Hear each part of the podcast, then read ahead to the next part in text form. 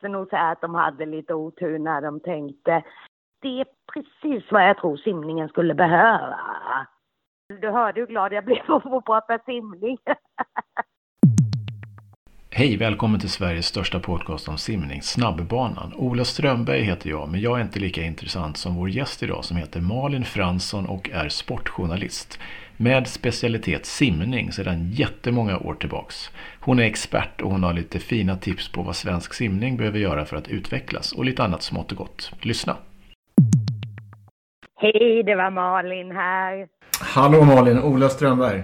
Ja men hej, vad roligt att höra från dig. Ja, Ja, vi kör igång. Får se, jag redigerar ihop Ja. den här så vi låter så smarta som möjligt. ja det låter snällt hördu. Ja. Eh, hej och välkommen till Sveriges ljudvänligaste och förhoppningsvis bästa podcast om simning. Ola Strömberg heter jag och på andra sidan linan har vi vem? Malin Fransson som är sportreporter på Dagens Nyheter. Just det, sportreporter på Dagens Nyheter. Och Dagens Nyheter är ju förhållandevis ganska duktiga på att skriva om simning måste man säga. Varför, är ni, varför har ni tagit det beslutet? För det kommer ju en hel del om simning. Ja, det beslutet togs innan jag, jag började på DN 01. Men redan före det hade tidningen eh, gjort mycket bra jobb i många år. Och naturligtvis är det ju för att det har funnits väldigt framgångsrika svenska simmare. Så ärlig ska man ju vara. Att, att mycket av det som det skrivs om handlar om framgångar. Men sen är det ju också krasst sett så att vi ser att det finns väldigt stort intresse. Och för din egen del, varför valde du simning eller blev du tilldelad simning? Eller hur funkar det? Ja, men det där, jag brukar berätta den historien ibland för det är. Det var så här att Camilla skulle inte kunna åka till OS i Aten för hon var gravid. Så 03 sa min dåvarande chef att jag skulle vara tvungen, för det var verkligen så det kändes, tvungen att bevaka simningen över OS i Aten.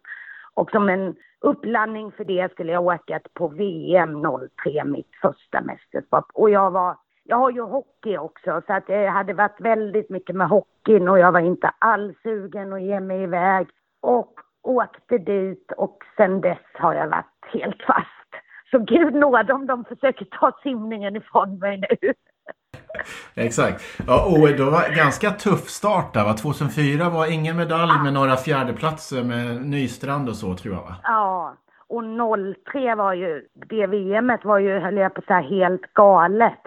Jag vet min dåvarande chef till och med sa så här att, för han visste ju att jag var tveksam, så han sa att du behöver inte vara på försöken, åk på finalerna, gör det mest för att skapa relationer. Och det slutade ju med att vi i stort sett inte hade några svenska simmare i finalen. Så att jag satt där hela dagarna. Bland annat var det ju då Emma Igelströms karriär, ja, typ början mot slutet. Alsamma var inte alls harmonisk, var ju mitt emellan ja, tiden i England och sen när hon flyttade hem och, och fick fart på karriären igen. Så att det var en tuff tid. Ja. Jobb, jobbigt att börja med en sport som man kanske inte riktigt var, hade excitement för och så ett ganska pissigt mästerskap. Ja. så var det ju. Men som sagt, och det är väl också kanske därför jag gillar blandningen. Eh, det jag tycker mycket om är ju att simmarna ofta är, de är väldigt verbala.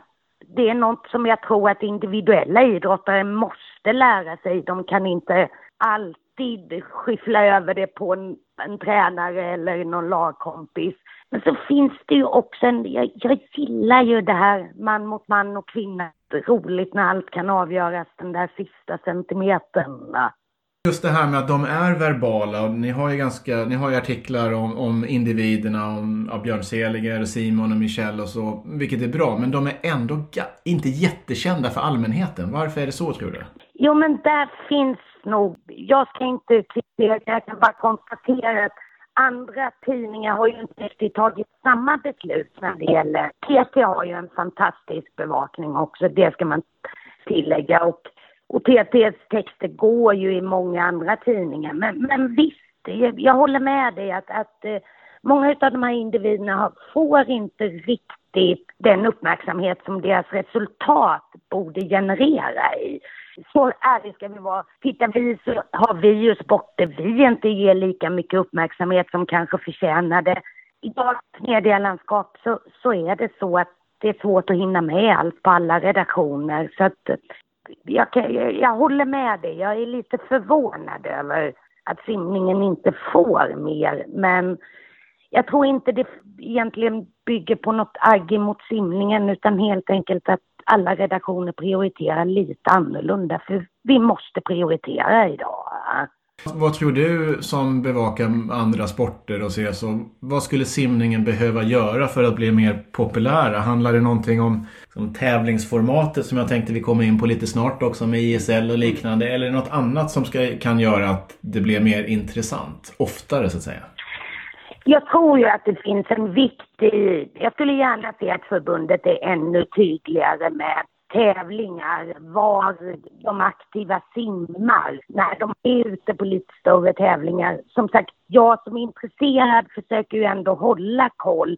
Men det händer väldigt mycket varje vecka och, och på de redaktioner där man inte följer simningen lika noga kan det vara nyttigt med att en gång i veckan få en uppdaterat pressmeddelande. Så här ser det ut den här veckan. Jag kan nämna friidrotten är ofta fantastisk och också hela tiden skicka med till oss journalister. Så här når du den aktiva, dess tränare är där, här har du telefonnummer.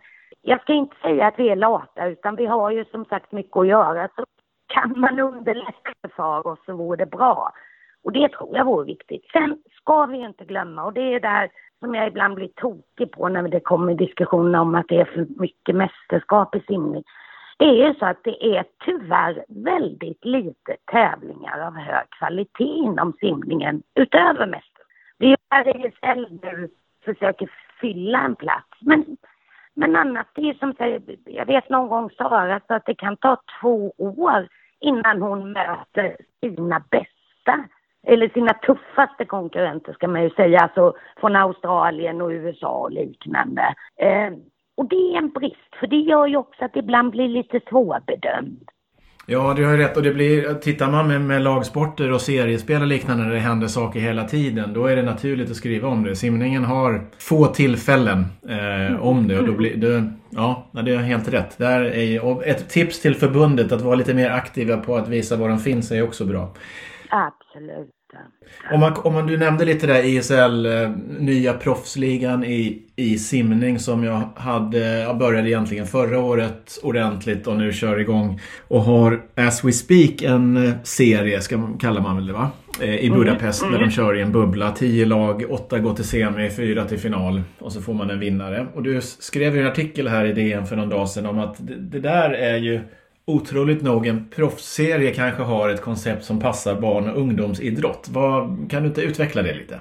Jo, eh, jag, som sagt jag skrattade lite åt mig själv när tanken först kom. För jag insåg ju det absurda i det. Det är liksom mest kommersiella jag vet sett inom simning och, och inom många idrotter började jag plötsligt tänka på barn och ungdomsidrott. Nu finns det ju i Stockholm och Skåne finns ju seriesim för barn i ett liknande format. Men som sagt, jag ser det ju både som att det skulle kunna vara något utvecklande för simningen över hela Sverige, men kanske framförallt individuella idrotter i stort. Och lite det jag vill komma åt är att idrottsrörelsen är ju i en brytningspunkt. Alltså det är väldigt många som idag väljer bort idrott. Eh, och vi måste våga titta på olika lösningar hur vi ska få tillbaka dem till organiserad idrott, ska jag väl säga. För man kan ju syssla med idrott på annat sätt. Och då tror jag att man måste våga testa nya saker. Och jag tror mycket på det där att låta det individuella och lagtänket få gå hand i hand. Kanske till och med upp till de är 15 år. Man ska fortfarande ha rätt att sträva efter att att vara snabbast själv, att vara bäst själv. Det är inte så att allt ska vara saft och bullar, det är inte det. Men jag skulle gärna se att man ökat lagtänket, att laget ändå någonstans blir det väsentliga. Jag tror att det kan göra att framför allt de som inte har nått sin fulla potential när de är 13 år och börjar tycka det är tråkigt att alltid komma sjua jämt de kan se ett värde i att de är viktiga. Som kanske gör att när de är 18-19 så är det de som vinner. Men det behöver inte heller vara. Ibland handlar det också om att barn och ungdomsidrott ska ha som mål att behålla dem i sporten så länge som möjligt. För det innebär också ett socialt ansvar. Barn som sysslar med idrott är inte ute på samma sätt på kvällar och nätter. De är inte maktlösa, de har en tillhörighet, de har något som är viktigt. Och därför måste hela tiden målet vara att behålla dem så länge som möjligt inom idrottsrörelsen. Och det här tror jag kan vara något som just de individuella idrotterna skulle kunna vinna något på. Mm. Ja, spännande tanke och det är ju lite intressant som du säger. Dels så här att det är det mest kommersiella inom simningen just nu som kanske är en nyckel till att få barn och ungdomar att hålla på. Och det, det, man kan ju se att ISL-konceptet är ju till mångt och mycket också kopierat från eh, amerikanska universitetssimningen med dual meets där man kör skola mot skola. Och det är ju exakt samma sak där. Att du, även om du kommer eh, femma av sex stycken så tar du poäng åt, ditt lag och du har en funktion i laget. Eh, mm. Så det är ju ja, det är jäkligt intressant just att det kommersiellaste av kommersiella proffscirkusar och det kommersiellaste landet i världen faktiskt har, har koncept som gör att fler håller på längre. För så är det ju. Ja, absolut. Och som sagt, jag skriver ju ridsport också och ridsporten har ju ett liknande koncept, Global Champions Tour, som, som också påminner väldigt mycket om ISL. Också en väldigt kommersiell serie, men där man har fört in en lagtävling. Nu ska man ju säga att ryttarna är ju ofta lite äldre, så att eh, där kanske det inte spelar riktigt lika stor roll som det gör i ISL. Men, men själva idén är spännande.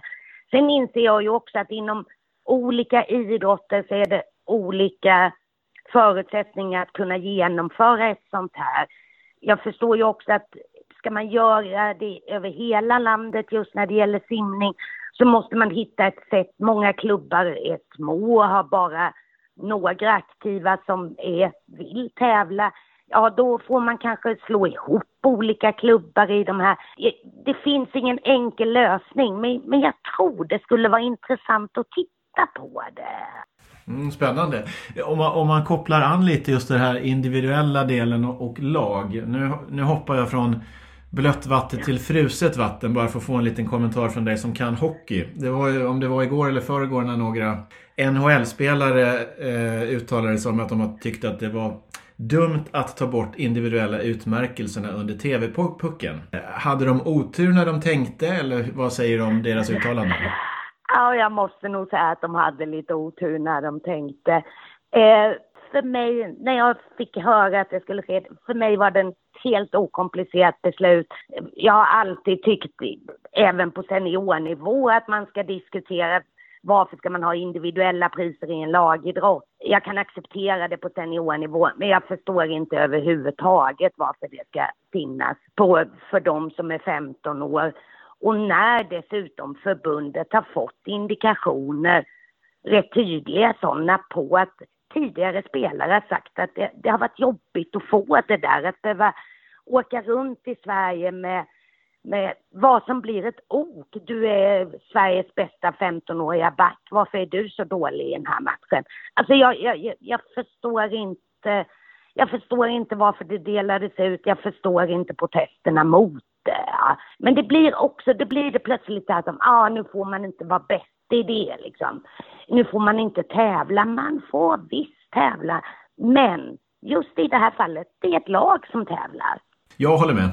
Eh, men det är väl all, alltid så att man, det är också du, du, du kommer ju från media så du vet ju, det är alltid roligt att polarisera.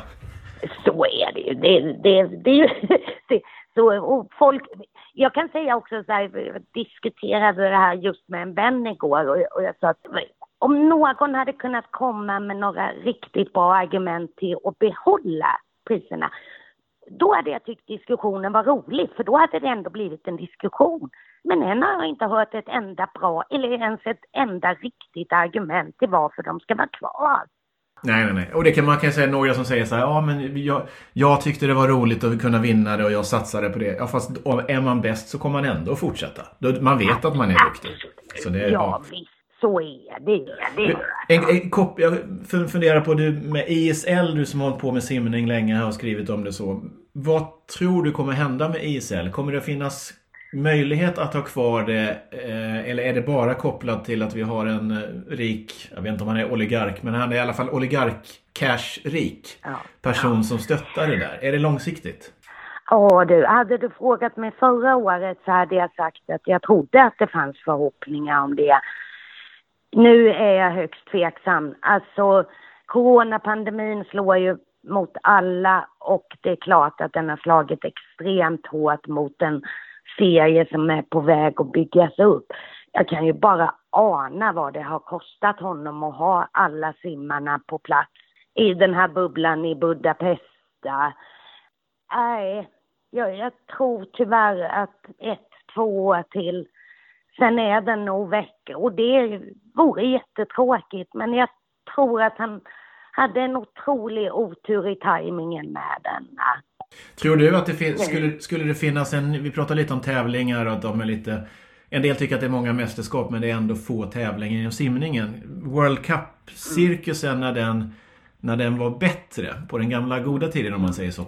Eh, inte när det bara var i penningstinna länder som hade det men när man hade en World Cup-serie som kom återkommande på spännande platser. Är det någonting som skulle ha, vara nytta till simningen? Lite ISL-aktigt fast in, ja, reguljärt så att säga. Absolut och jag säger liksom den här Champions-serien, mästarserien som Fina plötsligt skapade, ISL skapade, där de bokstavligen inte gör något annat än indirekt slänger pengar över de som redan är bäst. Om de skrotar den, det var bara en korkad idé som bara underströk att de hade pengar som de inte påstod att de hade innan. Och istället lägger de pengarna på att skapa en riktig World Cup med bra prispengar, med prispengar till flera än de tre på plats med bra tävlingsplatser. Absolut. Det är precis vad jag tror simningen skulle behöva. Mm. Ja, spännande. Vi, vi hoppar från tävlingar till ledarskap. Simningen är ju e- en av de sporter, alltså många sporter där det är relativt få kvinnliga tränare på olika nivåer men där man har en, en, kvinnlig förbundskapten. Finns det någon nytta av att ha en kvinnlig förbundskapten eller har det gått lika bra med en manlig? Vad är skillnaden tror du? Eh, jag, nu kommer jag låta väldigt politiskt korrekt fast jag, jag står för det. Jag tror att blandade ledargrupper alltid är bäst. Eh, helt enkelt för att om man nu är coach eller ansvarig för både män och kvinnor så behövs båda perspektiven också som ledare. Vi är olika som individer. Vi har fysiska olikheter som ibland för oss kvinnor kan vara svårt att förstå män, som män kan ha svårt att förstå kvinnor. Jag är inom skidskyttet nu en, en kartläggning av hur menstruationen påverkar sådana saker. Det är inte alltid lätt att ta in som man, för man aldrig upplevt det. Därför tror jag att det är, jag tror varken det ena är bättre eller sämre än det andra, men jag tror att det är viktigt att man har båda perspektiven i en ledargrupp. Så ja, jag tror det kan vara viktigt med en kvinnlig förbundskapten. Ja, bra. Vad ser du fram emot eh, OS-mässigt nästa år då, simningen? Vad eh, kommer Sverige att prestera tror du, som expert? Ja du, tack. Det där är ju som sagt eh, jag tror Sara kommer utmanas ordentligt på 100 Det finns en rad, hon, ja det var redan VM i Budapest, eh, 17 var vi där va? Ja 17. Så var hon ju faktiskt äldst i finalfältet då på 100 fjäril. Ja, det är många unga på väg där. Jag, medalj tror jag hon tar. Jag är inte säker på att det blir guld. Jag tror att Saras största guldchans är 50 fritt. Michelle är och förblir en simmare som jag känner, det finns så otroligt mycket i Michelle och jag hoppas hon får ut det. Och i hennes fall tror jag det är 100 Om det räcker till medalj, ja samtidigt, alltså 100 fritt är ju ett getingbo på alla de sätta. Jag tycker Erik Persson har en väldigt spännande utveckling. Jag hoppas han kan fota. Alltså det tålamodet Erik har haft, jag hade ju slutat för länge sedan. Där kan vi verkligen prata om en som systematiskt har jobbat sig från liksom semifinaler till finaler och sen klättra i finalerna. Samma sak där, han är ju också som bäst i en gren som just nu kanske är tuffast i hela simvärlden, 200 meter bröst. Jag tror att tar Sverige två medaljer och då tror jag ju att det är Sara som tar båda. Så får det ses som ett bra OS.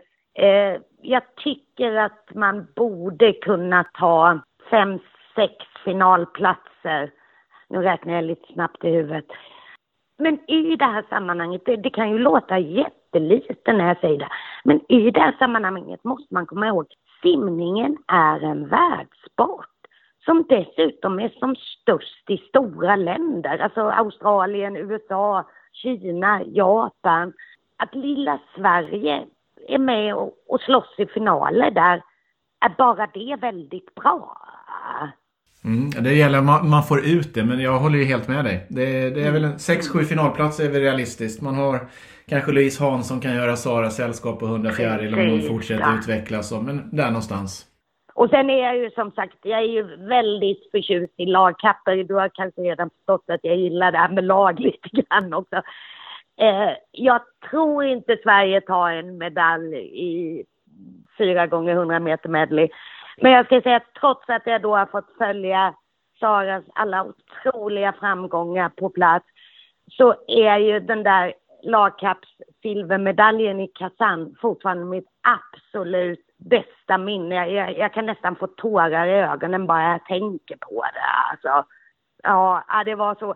Ja, hela den söndagen var ju helt absurd med Jenny som tog guld och, och som grät sig igenom hela lagkappen men ändå lyckades göra en fantastisk sträcka. Alltså, och nu far jag iväg här lite. Där tror jag ju, alltså vi har ju fortfarande, vi ligger ju efter på herrarnas herrsidan och där vore det så otroligt viktigt om vi kunde få fram finallag. De, de kan bli sjua eller åtta i finalerna på mästerskapen. Det spelar ingen roll till att börja med, men vi måste få ut herrar som får vänja sig vid att tävla i tufft läge. Mm. Ja men det har du helt rätt i. På, ja, tittar man på herrarna om man ser på medal- liksom, finalplats på mästerskapsmässigt mm. då är det ju Erik som är eh, ja, det är tufft men han, gör han det bra så kommer han komma till final och där kan han ju om man har flyt så kan han ta och nosa på en medalj även om du, precis som du säger, den är jäkligt hård konkurrens. Men annars har vi inte mm. många herrar som är på den nivån. Så är det ju. Nej. Tyvärr. Men jag, 400 fritt damer är ju inte... Alltså, Sara, Michelle, Louise och sen behöver man en fjärde tjej som är tillräckligt snabb så kan de ju vara och nosa där ja, också. Absolut. Och gud vad jag längtar efter riktiga tävlingar nu. Man får hoppas att det blir av men är, ja, på något jäkla sätt så känns det som att det ändå kommer att bli av. Ja, det gör det nu likväl. Alltså, det, det måste jag säga. Det kommer att bli annorlunda men det kommer ju att bli av. Det, skulle, det, det känns verkligen som det. Ja, bra Malin, tack så jättemycket. Bra pratstund. Ja men du, stort tack själv. Du hörde hur glad jag blev att få prata simning. var det, var det okej okay frågor? Det är alltid läskigt att, att, fråga en journalist. Ja, du, du tog ju saker som jag brinner för som du säkert märker också. Det gör det enklare. Ja, vad bra. Ja, men tack så jättemycket. Ha en bra söndag. Stort tack hördu. Ha det bra du också. Tack så mycket. Hej då. Hej.